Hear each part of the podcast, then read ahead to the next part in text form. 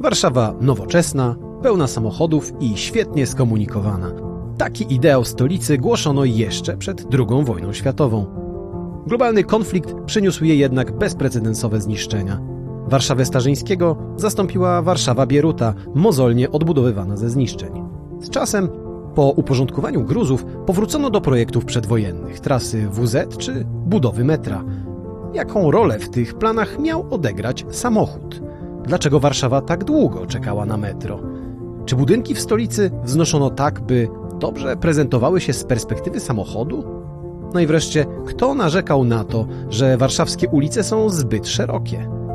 O tym wszystkim rozmawiam dzisiaj z doktorem Andrzejem Skalimowskim, historykiem z Instytutu Historii Nauki PAN oraz Narodowego Instytutu Architektury i Urbanistyki. To jest podcast Muzeum Historii Polski. Nazywam się Michał Przeperski i zapraszam. Część pierwsza. Samochodem po Warszawie. Proszę powiedzieć, czy po Warszawie zawsze dobrze się jeździło samochodem? Myślę, że były okresy, kiedy jeździło się lepiej. Lepiej niż dzisiaj. Lepiej niż dzisiaj. Czy takim okresem były na przykład, ja wiem, lata 30. XX wieku? I lata 50. XX wieku. Ale to dlatego, że takie dobre były ulice warszawskie? Nie, dlatego, że było tak mało samochodów. Mhm. No to dobrze. To czym w takim razie warszawiacy w tym okresie, a więc no, dobre 50, 70, 80 lat temu jeździli po Warszawie? No, wówczas bardzo było można kaprysić. W latach 30. samochód był do, luksusowym, zresztą tak jak i w latach 50. Chociaż właściwie to nawet do dzisiaj niektórzy tak samochody postrzegają.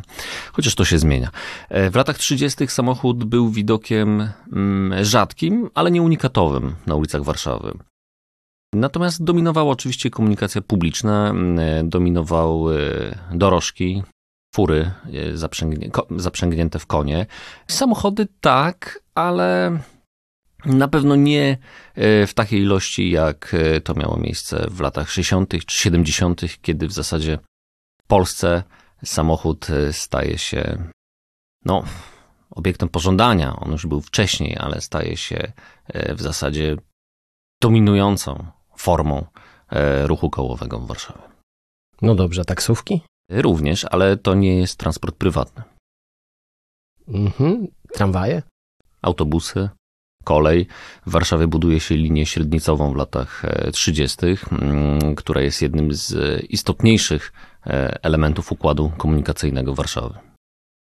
No dobrze, ale wydaje mi się, że warto, żebyśmy zaczęli od początku. Często się pojawia taka myśl, że ta Warszawa odbudowana już po II wojnie światowej, to jest co najwyżej marna kopia e, tej Warszawy z, z okresu dwudziestolecia po pierwsze, czy to rzeczywiście jest, e, czy to rzeczywiście jest prawda, a po drugie, po której z tych Warszaw, tej przedwojennej, czy tej już powojennej, tej bliższej, współczesnej, e, jeździło się samochodem lepiej, wygodniej?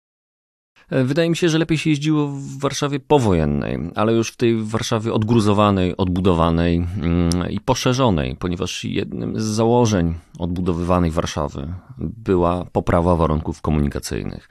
E, z tego sobie zdawano sprawę, no zresztą nie tylko w Polsce, e, w całej Europie, a nawet zaryzykowałbym stwierdzenie, że w świecie zachodnim, chociaż wschodnim również, Zdawano sobie sprawę z tego, że transport kołowy to jest przyszłość. W związku z tym miasto dostosowywano do transportu kołowego. To jest różnica w stosunku do miasta XIX-wiecznego, do miasta także no, przedwojennego, w przypadku Warszawy, e, że projektuje się raczej pod kątem ruchu kołowego. No i przede wszystkim samochodów, ale nie tylko, tak jak tutaj pan wspomniał, również autobusy, tramwaje, czyli komunikacja publiczna. Czyli mamy rozumieć, że ta Warszawa, która była odbudowywana po 1945 roku, to była przede wszystkim Warszawa dla kierowców. No więc jakiś koszmar z, ze, ze snów dzisiejszych działaczy miejskich. No tak, ale nie dla kierowców e, transportu indywidualnego. Tak jak my dzisiaj moglibyśmy to rozumieć, prawda, że stoi e, sznur samochodów, w którym siedzi jeden kierowca i miasto jest zakrokowane. To raczej chodziło o transport, który miał służyć e, no, w przypadku powojennej Polski głównie przemysłowi, rozwojowi kraju, czyli transport ciężarowy, transport ludności, transport osób, ale nie transport indywidualny.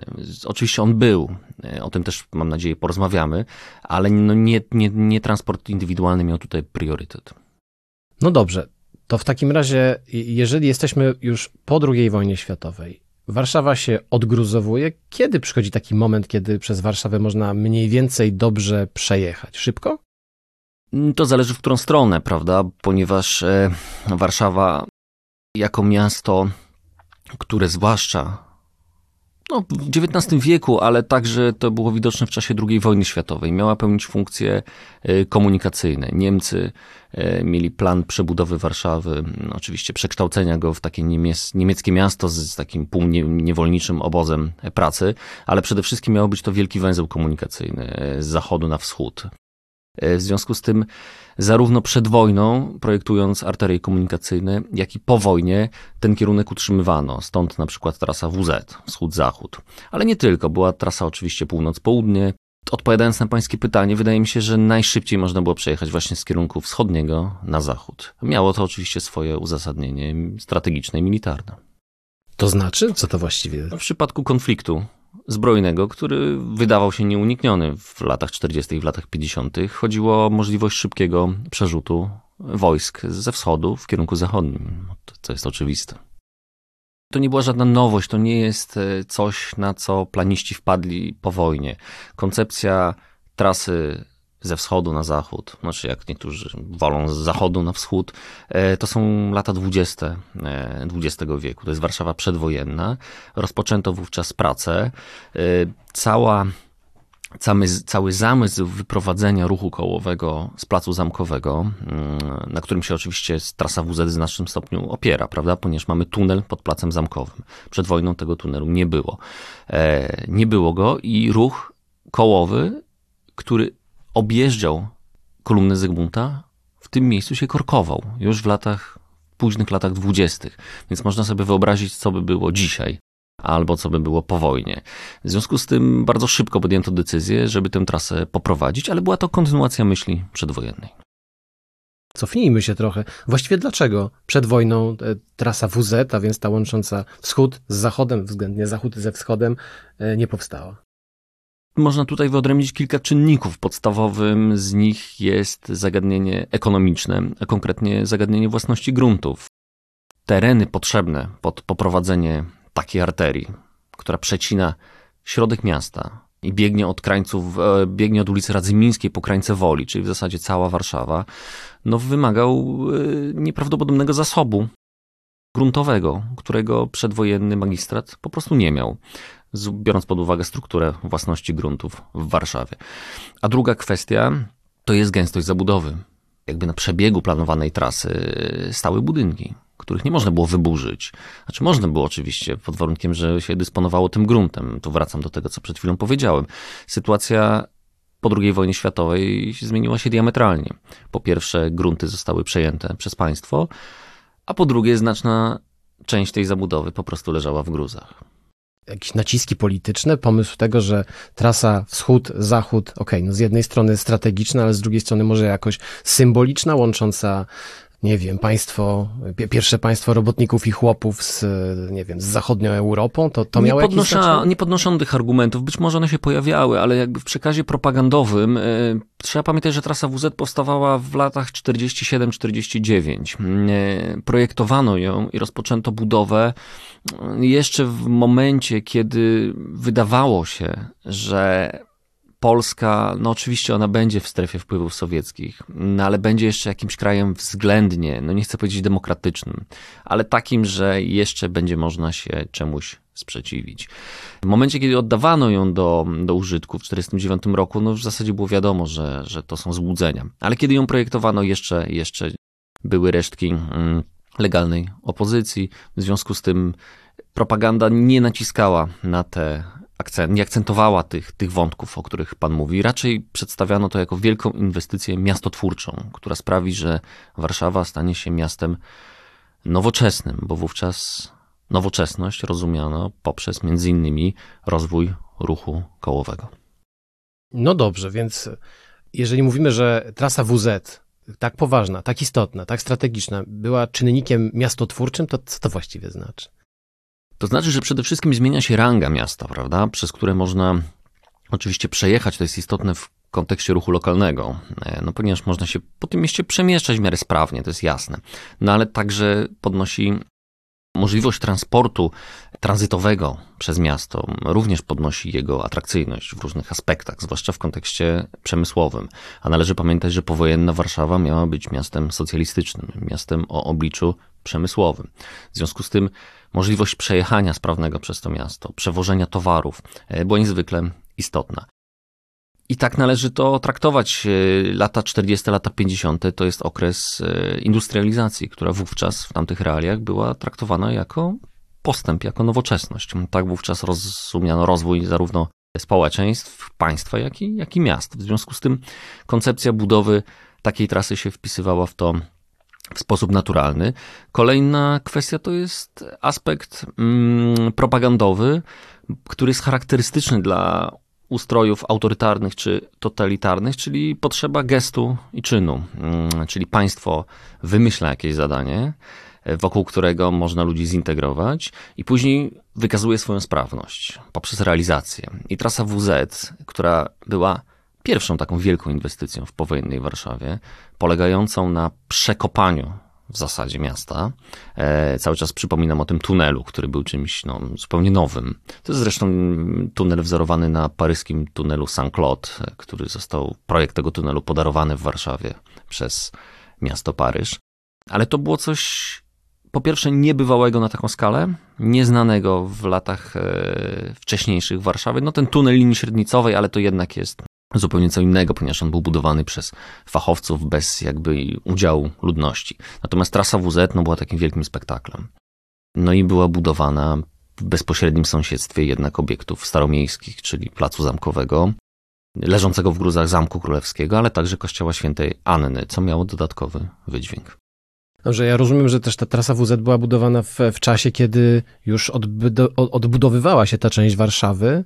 Dobrze myślę? Znaczy z jednej strony mamy budowę czegoś nowego, tutaj mamy tak. odbudowę tak. czegoś, I to był stało tam do przykład połączenia mm, tradycji z nowoczesnością, tak moglibyśmy to ująć w sposób banalny. Z jednej strony podnoszone z gruzów e, są kamienice krakowskiego przedmieścia, no a obok jest zbudowana wielka nowoczesna arteria.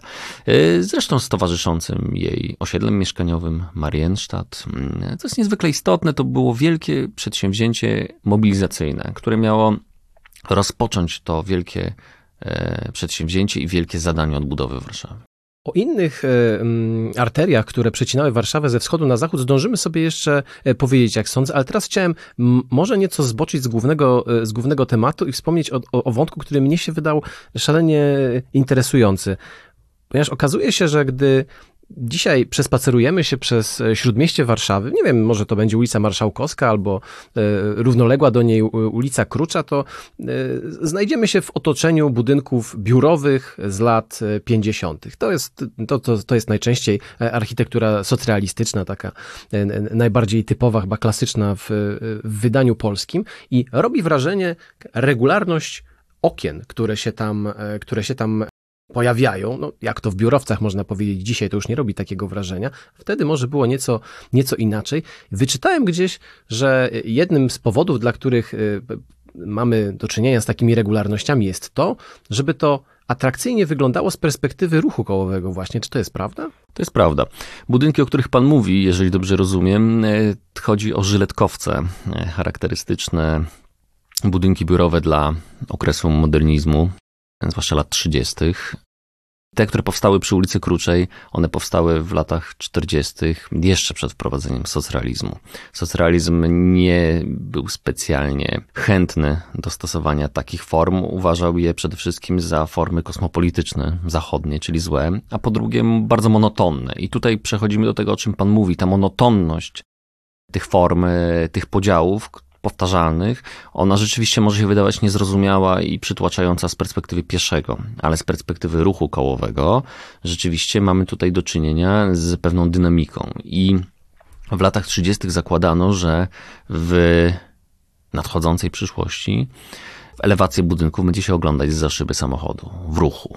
W związku z tym miasto będzie poprzecinane estakadami, wiaduktami, z których będzie można te budynki podziwiać i wówczas kilkanaście w gruncie rzeczy identycznych budynków e, no, nie będzie tak negatywnie odbieranych e, przez widza, jak ma to miejsce z perspektywy pieszego. Także no jest to jeden z wątków e, obecnych w ówczesnej myśli architektonicznej.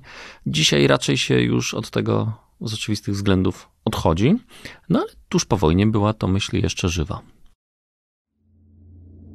Część druga. Metro i podziemne miasto.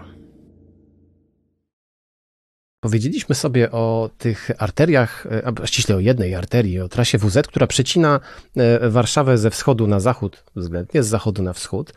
A teraz chciałbym, żebyśmy chwilę porozmawiali o innej trasie, ważnej, która biegnie przede wszystkim z północy na, e, na południe, bo tak biegnie z Kabat na południu, po Młociny na północy, względnie odwrotnie. Dzisiaj warszawskie metro. Historia warszawskiego metra sięga Właśnie, jak daleko? Historia warszawskiego metra sięga, odkąd ja sięgam pamięcią. W każdym razie e, są to lata dwudzieste XX wieku. Generalnie marzono o tym warszawskim metrze. Naprawdę odkąd, odkąd pamiętam, w sensie nie chodzi mi o moje życie, tylko odkąd się zajmuję Warszawą, zawsze ten wątek gdzieś tam powraca w XX wieku.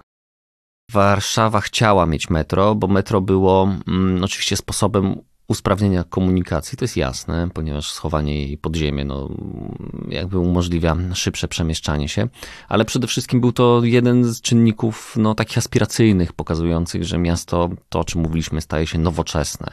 Takich czynników możemy wymienić kilka, oczywiście wspomniane trasy, wieżowce na przykład, to będzie bardzo widoczne e, przy budowie Pałacu Kultury i Nauki, no i metro, między innymi metro. W związku z tym pracowano nad tym metrem, mm, tych prac przedwojennych niewiele wynikło. E, z różnych względów. Oczywiście sytuacja geologiczna, która, która często jest podnoszona jako przyczyna niepowodzenia metra w latach 50., też pewnie jakoś tam jest istotna, ale przede wszystkim brakowało środków e, w latach 30., a druga kwestia, że postawiono jednak na transport kolejowy, który determinował w znacznym stopniu czasów carskich Warszawę, która jest pocięta torami kolejowymi, więc w pierwszym rzędzie próbowano te tory jakoś schować i ta linia średnicowa, o której mówimy, czyli, czyli schowanie trasy kolejowej pod ziemią w ścisłym centrum, no jakby to pochłonęło całą energię i, i możliwości inwestycyjne miasta na tym, na tym polu. A oczywiście okres okupacyjny to jest zupełne zawieszenie tego typu pomysłów. No i metro, idea metra powraca tuż po wojnie i to jest bardzo ciekawe, ponieważ ona powraca w formie takiej hybrydy pod y, wdzięczną nazwą szybkiej kolei miejskiej, czyli czegoś na kształt mm, berlińskiego S-Bahnu, czyli puszczenia składów kolejowych y, czy wagonów kolejowych częściowo pod ziemią, częściowo naziemnie. To było dobre rozwiązanie, biorąc pod uwagę stopień zniszczeń Warszawy. Można było to przeprowadzić szybko. E, z jakiegoś powodu tego nie zrobiono, jak się później okazało, głównie ze względów strategicznych, czego przykładem jest budowa no niedokończona wówczas metra głębokiego, które miało jednocześnie pełnić funkcję schronów. I to jest jakby doktryna sowiecka, która została narzucona i która właściwie doprowadziła do fiaska koncepcji metra w latach 50. Czyli w latach 50. nie mamy metra dlatego, że zabrakło kapitałów, a nie dlatego, że y, ówcześni polscy liderzy zdecydowali się na wybór Pałacu Kultury, jak głosi stugębna plotka. No można dyskutować, myślę, że nie ma tutaj takiej jednoznacznej odpowiedzi. Na pewno nie jest tak, jak propaganda to później przedstawiała, że zadecydowały względy geologiczne, czyli niekorzystne względy geologiczne, tak zwana kurzawka, że po prostu gleba w Warszawie jest na tyle niesprzyjająca, jakby jej, jej, jej układ, że, że ciężko jest ten tunel przeprowadzić. To jest oczywiście część prawdy. Wydaje mi się, że przede wszystkim forsowna czy forsowana koncepcja forsownej, mm, forsownego układu metra, który miał być głęboko wpuszczony w ziemię. Te stacje miały być łączone wielopoziomowymi takimi peronami właściwie, no, które, po których poruszać się można było, czy pomiędzy nimi poruszać się można było za pomocą schodów ruchomych, żeby to pełniło funkcję schronu, w pewnym momencie również schronu atomowego, w związku z tym można sobie wyobrazić, jak to wymagało wiele pracy. Nawet taki, tak w gruncie rzeczy wydawałoby się rzecz prosta, jak te schody ruchome. No one były właściwie nie do zdobycia, ponieważ w tym samym czasie budowało się metro głębokie, czy rozszerzało się metro w Moskwie i jakby sowiecki przemysł nie był w stanie dostarczyć tego, więc tych czynników można byłoby wymienić wiele, ale ten finansowy również nie jest bez znaczenia. Według odnalezionych dokumentów czy notatek w archiwach sowieckich, mm, no można z nich wyczytać, że mm, między innymi minister Mołotow, który był odpowiedzialny za, za nadzorowanie e, tego typu inwestycji, no on stwierdził, że strona sowiecka nie jest w stanie dostarczyć jednocześnie, tylko właśnie teraz nie, nie do końca wiemy z tej notatki, czy chodziło o, o środki finansowe, czy chodziło jakby o, o technologię. Nie jest w stanie obsłużyć budowy Pałacu Kultury i Nauki jednocześnie i metra głębokiego w takiej formie, e, jak chcieliby to widzieć Sowieci. I to jest moment, w którym właściwie metro głębokie w Warszawie zostaje zarzucone i w tym samym czasie zostaje zarzucone metro głębokie w Budapeszcie. Z tego samego względu. To były lata 50., 50. potem lata 60. i 70. W tym. w tym czasie metro buduje się w Pradze, metro buduje się w Budapeszcie, w innych stolicach państw socjalistycznych, a w Polsce nic? Nic. W Polsce metro, pomysł metra w zasadzie wraca dopiero w latach 80. Jest oczywiście łączony z nazwiskiem generała Wojciecha Jaruzelskiego. Jest bardzo ciekawe, no bo jako, jako żywo generał Jaruzelski, jako planista i, i inwestor stołeczny, no, nie zapisał się w pamięci, ale tak, rzeczywiście jakby uruchomienie e, inwestycji pod nazwą Metro Warszawskie to jest okres e, lat 80. Ale to nie jest tak, że w Warszawie nic się nie działa przez te dwie dekady. E, rozwijał się w sposób dynamiczny ruch kołowy, powstawały drogi, powstawały trasy. W zasadzie Warszawa w latach 70.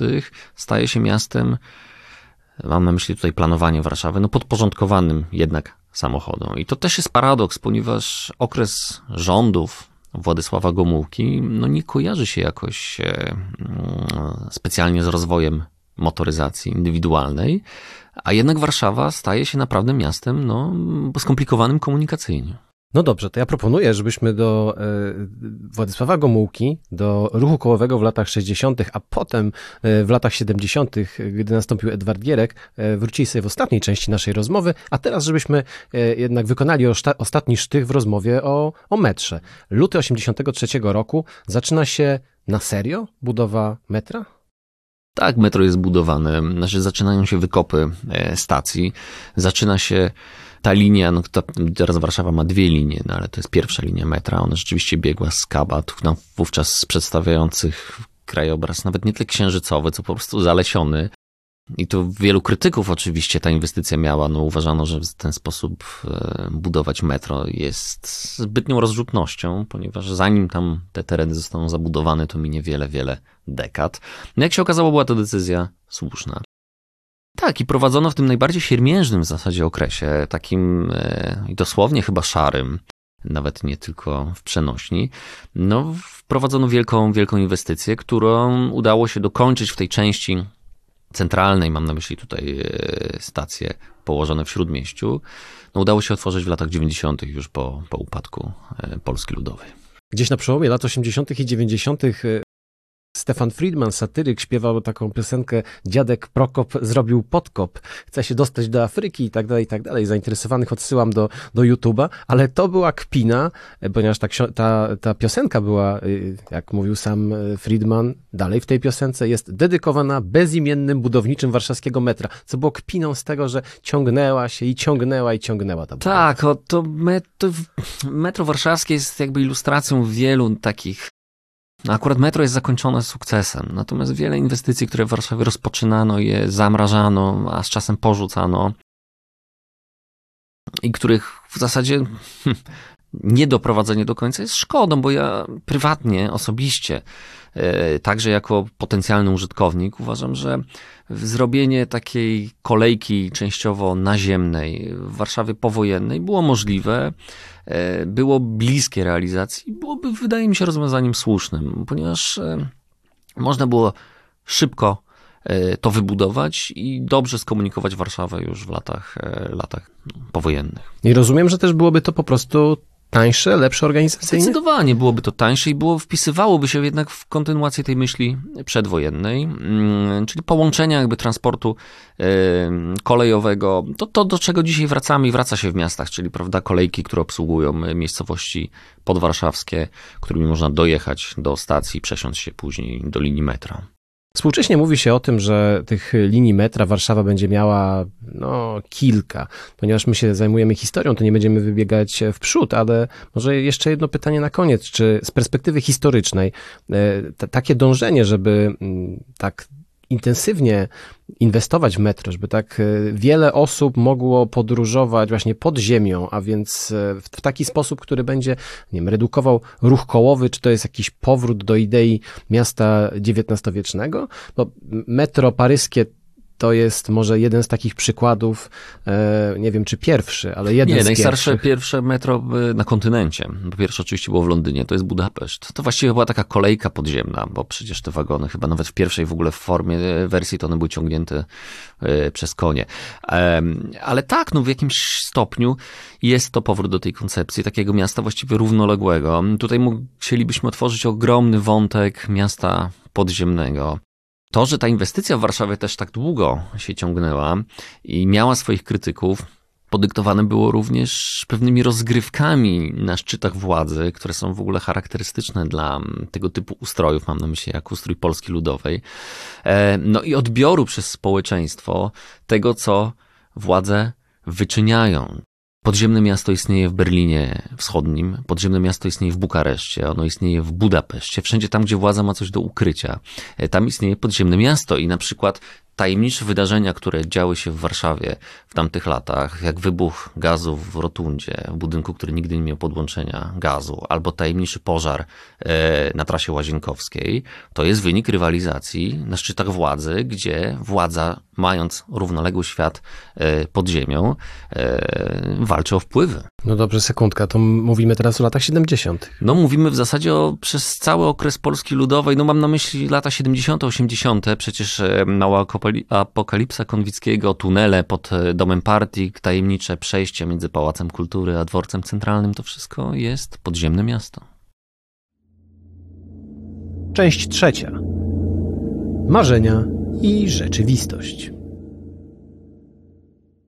Powiedzieliśmy sobie e, o metrze, napomknęliśmy o podziemnym mieście, absolutnie tematu nie wyczerpując. Wróćmy na ziemię i tam, gdzie skończyliśmy rozmowę o ruchu kołowym, czyli gdzieś u końca lat 50. i 60., Władysław Gomułka to Władysław budowniczy, jeżeli chodzi o perspektywę warszawską? Tak został zapamiętany i to jest paradoks, ponieważ e, robił wiele, on i jego otoczenie, e, żeby nie przejść do historii właśnie w takiej postaci. Nie wiem, na ile to wynikało z jego indywidualnego stosunku w ogóle do Warszawy. No to jest wielki temat, który, który zawsze powraca. Czy Władysław Gomułka chciał, żeby Warszawa się rozwijała, czy przeciwnie, uważał, że należy te zapędy hamować. W każdym razie to za jego rządów na stanowisku pierwszego sekretarza KCPZPR przygotowano plan trasy łazienkowskiej, która była przedsięwzięciem no, na skalę europejską. Naprawdę było to rozwiązanie nieprawdopodobnie nowoczesne, niestosowane wówczas chyba nigdzie poza Skandynawią. Inna sprawa, że nie udało się trasy łazienkowskiej zbudować w latach 60., to się udało dopiero w latach 70., ale prace trwały przez praktycznie całą dekadę. I powstała wówczas na przykład trasa imienia Stefana Starzyńskiego z Mostem Gdańskim. E, powstała obwodnica Woli zabudowa ulicy Towarowej. Mm, to są czasy Władysława Gomułki. W związku z tym mówi, powiedzieć, że Gom, za czasów Władysława Gomułki nie inwestowano w rozwiązania komunikacyjne, to, to, to jest nieprawda. Gomułka dał się też zapamiętać jako, i o tym rozmawialiśmy w, już w jednym z podcastów, e, serii podcastów Muzeum Historii Polski, dał się zapamiętać jako człowiek, który no właściwie położył kres dalszej odbudowie Warszawy, tak jak ona była prowadzona, e, no powiedzmy, że mniej więcej do roku 56, umownie. no bo za tym szła taka refleksja, że no nie tylko Warszawa była zniszczona i nie tylko warszawskie zabytki, zwłaszcza te odbudowywane, że trzeba się zwrócić ku, ku reszcie kraju. Ale na to można też spojrzeć z innej strony. Czy nie jest przypadkiem trochę tak, że w Warszawie czasów Gomułki położono większy nacisk na nowoczesność miasta, na przyszłość miasta. Oczywiście to zawsze budzi pewne wątpliwości, kiedy się mówi w ten sposób o przywódcy e, autorytarnego czy, czy, czy posttotalitarnego, niektórzy by chcieli powiedzieć totalitarnego reżimu, e, ale abstrahując w tym momencie od jego e, poglądów, od jego, od jego roli stricte politycznej, to z punktu widzenia architektury, planowania miejskiego, czy coś w tym jest, to, to rzeczywiście tak było, że w latach 50., a może przede wszystkim 60., ta Warszawa się unowocześniała?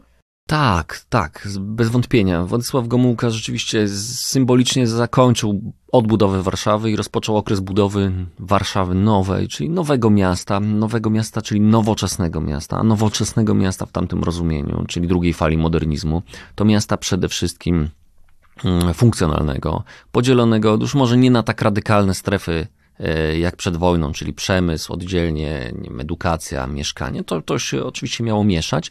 Natomiast konieczność i możliwość przemieszczania się pomiędzy poszczególnymi dzielnicami była niezwykle ważna i to są tendencje e, wówczas obowiązujące już wcześniej, nawet dekadę w Europie Zachodniej, w takich krajach jak e, Holandia, Francja, Republika Federalna Niemiec czy wspomniana Skandynawia. Możemy spojrzeć, jak wyglądały śródmieścia stolic tamtych krajów europejskich, na przykład Sztokholm przecież został głęboko przebudowany, który nie zniszczony w trakcie wojny, ale jakby całe jego stare miasto w znacznym stopniu uległo zniszczeniu pod budowę modernistycznej dzielnicy e, z szerokimi arteriami, estakadami i wiaduktami. Dzisiaj to robi dość przytłaczające wrażenie, ale wówczas no, było, było czymś oczywistym i trendem pożądanym. W związku z tym Władysław Gomułka, co ciekawe, nie był tutaj e, zapóźniony. To wynika też z tych przemian roku 56, kiedy nagle się pojawiła możliwość otwarcia na zachód. W związku z tym wydaje mi się, że momentami dość bezrefleksyjnie jednak sięgnięto po tamte rozwiązania. No ale tak też się stało i, i stąd znaczne zainteresowanie planistów urbanistów i architektów rozwiązaniami komunikacyjnymi w latach 60. Lata 60 nie kojarzą się specjalnie z e, rozwojem e, ruchu samochodowego w Polsce, chociaż chyba też nie do końca słusznie, bo jednak i w latach 50. i w latach 60. powstawały kolejne polskie e, samochody. Co prawda, eksplozja motoryzacji to są lata, to są lata 70., no ale gdybyśmy już tak razem mieli potraktować i lata 60., i lata 70., to jak wyglądają przemiany tego ruchu kołowego po Warszawie i jak to się jeździ w latach 60., a potem 70. No przede wszystkim następuje przemiana w latach 70. w podejściu do transportu prywatnego, do transportu indywidualnego, może to jest lepsze słowo. Zarówno, Bolesław Bierut, jak i Władysław Gomułka, oni nie byli przeciwnikami transportu jako takiego, tylko uważali, że to powinien być transport zorganizowany, transport zresztą jak wszystko, y, nadzorowany przez państwo i służący czemuś konkretnemu, czyli przemieszczaniu się mas ludności, ale w sposób kontrolowane. Czyli jeżeli wyjeżdżają ludzie na wczasy czy na urlop do zakładowego ośrodka wypoczynkowego, to jadą tam autokarem albo pociągiem, nie indywidualnie, ponieważ samochód daje wolność. Można wsiąść, pojechać gdzie się chce i niekoniecznie władza o tym wie. W związku z tym dla Bolesława Bieruta ze względów oczywistych to było nie, nie do przyjęcia, dla Władysława Gomułki wydaje mi się ze względów doktrynalno-charakterologiczny. A dla Edwarda Gierka z jakiegoś powodu już tak. Edwarda Gierka dało to szansę, jakby transport e, indywidualny i umasowienie motoryzacji otworzył bardzo wiele możliwości, między innymi e, także przyczynił się mm, do umocnienia jego poparcia na stanowisku pierwszego sekretarza i jego poparcia w Warszawy, co jest bardzo istotne, gdzie miał bardzo silną konkurencję w postaci Komitetu Warszawskiego e, PZPR. E, no i właśnie uruchomienie inwestycji zablokowanej pod koniec lat 60. przez Władysława Gomułkę, czyli trasy łazienkowskiej, mm, no było takim gestem, którym udało mu się zjednać mieszkańców Warszawy. On wykonał dwa takie gesty. Pierwszym była, był gest nowoczesności, czyli trasa łazienkowska, a drugim była decyzja o odbudowie Zamku Królewskiego, czyli taki gest historyczny. E, z jednej strony nowoczesność, z drugiej strony tradycja. Bardzo szybko pojawiła się konkurencja. Należy pamiętać, że równolegle z trasą łazienkowską Komitet Warszawski budował Wisłostradę. No w ogóle w, latach 70. to się budowało i budowało w Warszawie, bo jeszcze e, zwłaszcza to dla tych, którzy e, są miłośnikami polskich seriali. Warszawa Centralna, Dworzec Centralny, e, no i Trasa Łazienkowska. Obydwie te instytucje wiążą się z karierą serialowego inżyniera Stefana Karwowskiego. Ale może o tych inwestycjach samych w sobie to kiedy indziej porozmawiamy. Tutaj mamy Wisłostradę biegnącą z północy na, na południe. Tutaj mamy trasę łazienkowską. No to nic, tylko jeździć po tej Warszawie. No tylko trzeba jeszcze mieć czym jeździć. To jest problem w ogóle, który w Polsce Ludowej, którego nie udało się rozwiązać do samego jej końca, prawda? Przecież w Warszawie powstała w latach 50. fabryka samochodów osobowych, zresztą bezsensownie zlokalizowana w gruncie rzeczy w centrum miasta. E, oczywiście to miało się wpisywać w ten plan, o którym mówiliśmy, industrializacji Warszawy, ale lokowanie takich wielkich zakładów w bezpośrednim w sumie sąsiedztwie no, części mieszkalnej, no bo przecież to jest tuż za mostem. Mówimy o żeraniu. Mówimy o żeraniu. Okazało się chybione i to już bardzo szybko, a lata 90., kiedy w zasadzie urealniono a wartość gruntów się okazało, że te zakłady muszą płacić po prostu podatek od tych gruntów. Oznaczało to mm, właściwie natychmiastowe bankructwo. Tam wiele czynników się na to złożyło, ale między innymi taki wydawałoby się prozaiczny czynnik. E, ale to, że Warszawa miała swoją fabrykę, nie przełożyło się wcale na wzrost e, poziomu czy jakby ten wzrost dostępności e, pojazdów mechanicznych dla mieszkańców. E, produkowano tam na sowieckiej licencji samochód Warszawa, czyli, czyli Pobiedy, ale to głównie był samochód przeznaczony dla taksówkarzy albo dla tak zwanej nomenklatury, albo nawet szerzej po prostu jako samochód urzędowy, czyli, czyli wykorzystywany w sposób służbowy. Nie było to przewidziane dla, dla indywidualnego nabywcy. Czymś takim była później Syrena, ale no to jest oczywiście wątek, który o którym możemy mówić długo w oddzielnym spotkaniu. To może jeszcze jedną rzecz tylko e, do, dopowiedzmy, bo wspomniał Pan o tym, że e, produkowano Warszawę od początku lat 50., a i tak o tej nomenklaturze, która lat późnych 40. i 50., która się rozbijała samochodami po, po Warszawie. Chevroletariat tak zwany. Tak, oczywiście to też wynikało w pierwszym, w pierwszym rzędzie z niedoborów, prawda? No po wojnie trzeba było wykorzystywać samochody z tak zwanego demobilu, czyli samochody przejęte, zdobyte na Niemcach, albo gdzieś podarowane, tak jak w przypadku Ministerstwa Bezpieczeństwa Publicznego, te charakterystyczne cytryny, tak zwane Citroeny, czarne, które mm, z żółtymi e, reflektorami podjeżdżały e, w nocy e, pod dom i były symbolem grozy, no to są przecież, to, to była flota, która została przekazana Polsce przez, przez Francję w ramach takiej pomocy powojennej. I tak, tak sobie radzono. Próbowano ten przemysł jak najszybciej uruchomić, no ale to, to, to jakby był, był problem, z którym no wydaje mi się, że no nie udało się nikomu e, w Polsce Ludowej poradzić i Edward Gierek, który, który oparł się o, o, o, małego Fiata, prawda, który miał być samochodem dostępnym, który miał chyba w znacznym stopniu jednak no, na realia PRL-owskie zmotoryzował społeczeństwo. No ale jeżeli porównamy ten samochód z konstrukcjami mm, zachodnimi, nawet starszymi o, o dekadę czy dwie, no to, to możemy sobie uświadomić na jakim poziomie polska motoryzacja była. No dobrze, lata 70. to powiedzieliśmy sobie, że to jest e, czas, kiedy mimo wszystko Mimo wszystko ta indywidualna e, motoryzacja się e, rozwija i chyba takim pierwszoplanowym, e, nie wiem, problemem, marzeniem na pewno jest to, żeby znaleźć się w posiadaniu tego wymarzonego samochodu. I w latach 80. oczywiście w dalszym ciągu to marzenie jest, ale pojawia się inny zupełnie problem, mianowicie benzyna. Nie ma na czym jeździć. Czy to jest rzeczywiście tak, że e, z powodu tego, że nie było benzyny, to w latach 80., nie wiem, może jeździło się lepiej, bo był mniejszy ruch? To dosyć kuriozalne tłumaczenie, ale. No to jest bardziej złożone, złożone zagadnienie, tak mi się wydaje, ponieważ to kartki obowiązywały na, na benzynę, a nie obowiązywały na olej napędowy, czyli na, na ropę. W związku z tym to jest jakby cała, cały proceder także przerabiania tych samochodów, jakby zmieniania silników. Nie chciałbym w to wchodzić, natomiast co wydaje mi się dość interesujące, to jest wpływ w ogóle zagadnień motoryzacyjnych czy około motoryzacyjnych na przestrzeń publiczną Warszawy. Tak jak powiedzieliśmy w latach 30., samochód był widokiem, e, no może nie unikatowym, mm, e, ale ale dość rzadkim na ulicach Warszawy. Oczywiście w śródmieściu, tak, te samochody, to widać na zdjęciach, one, one się pięknie prezentują. Natomiast w dzielnicach obrzeżnych to oczywiście koń, fura, ewentualnie dorożka.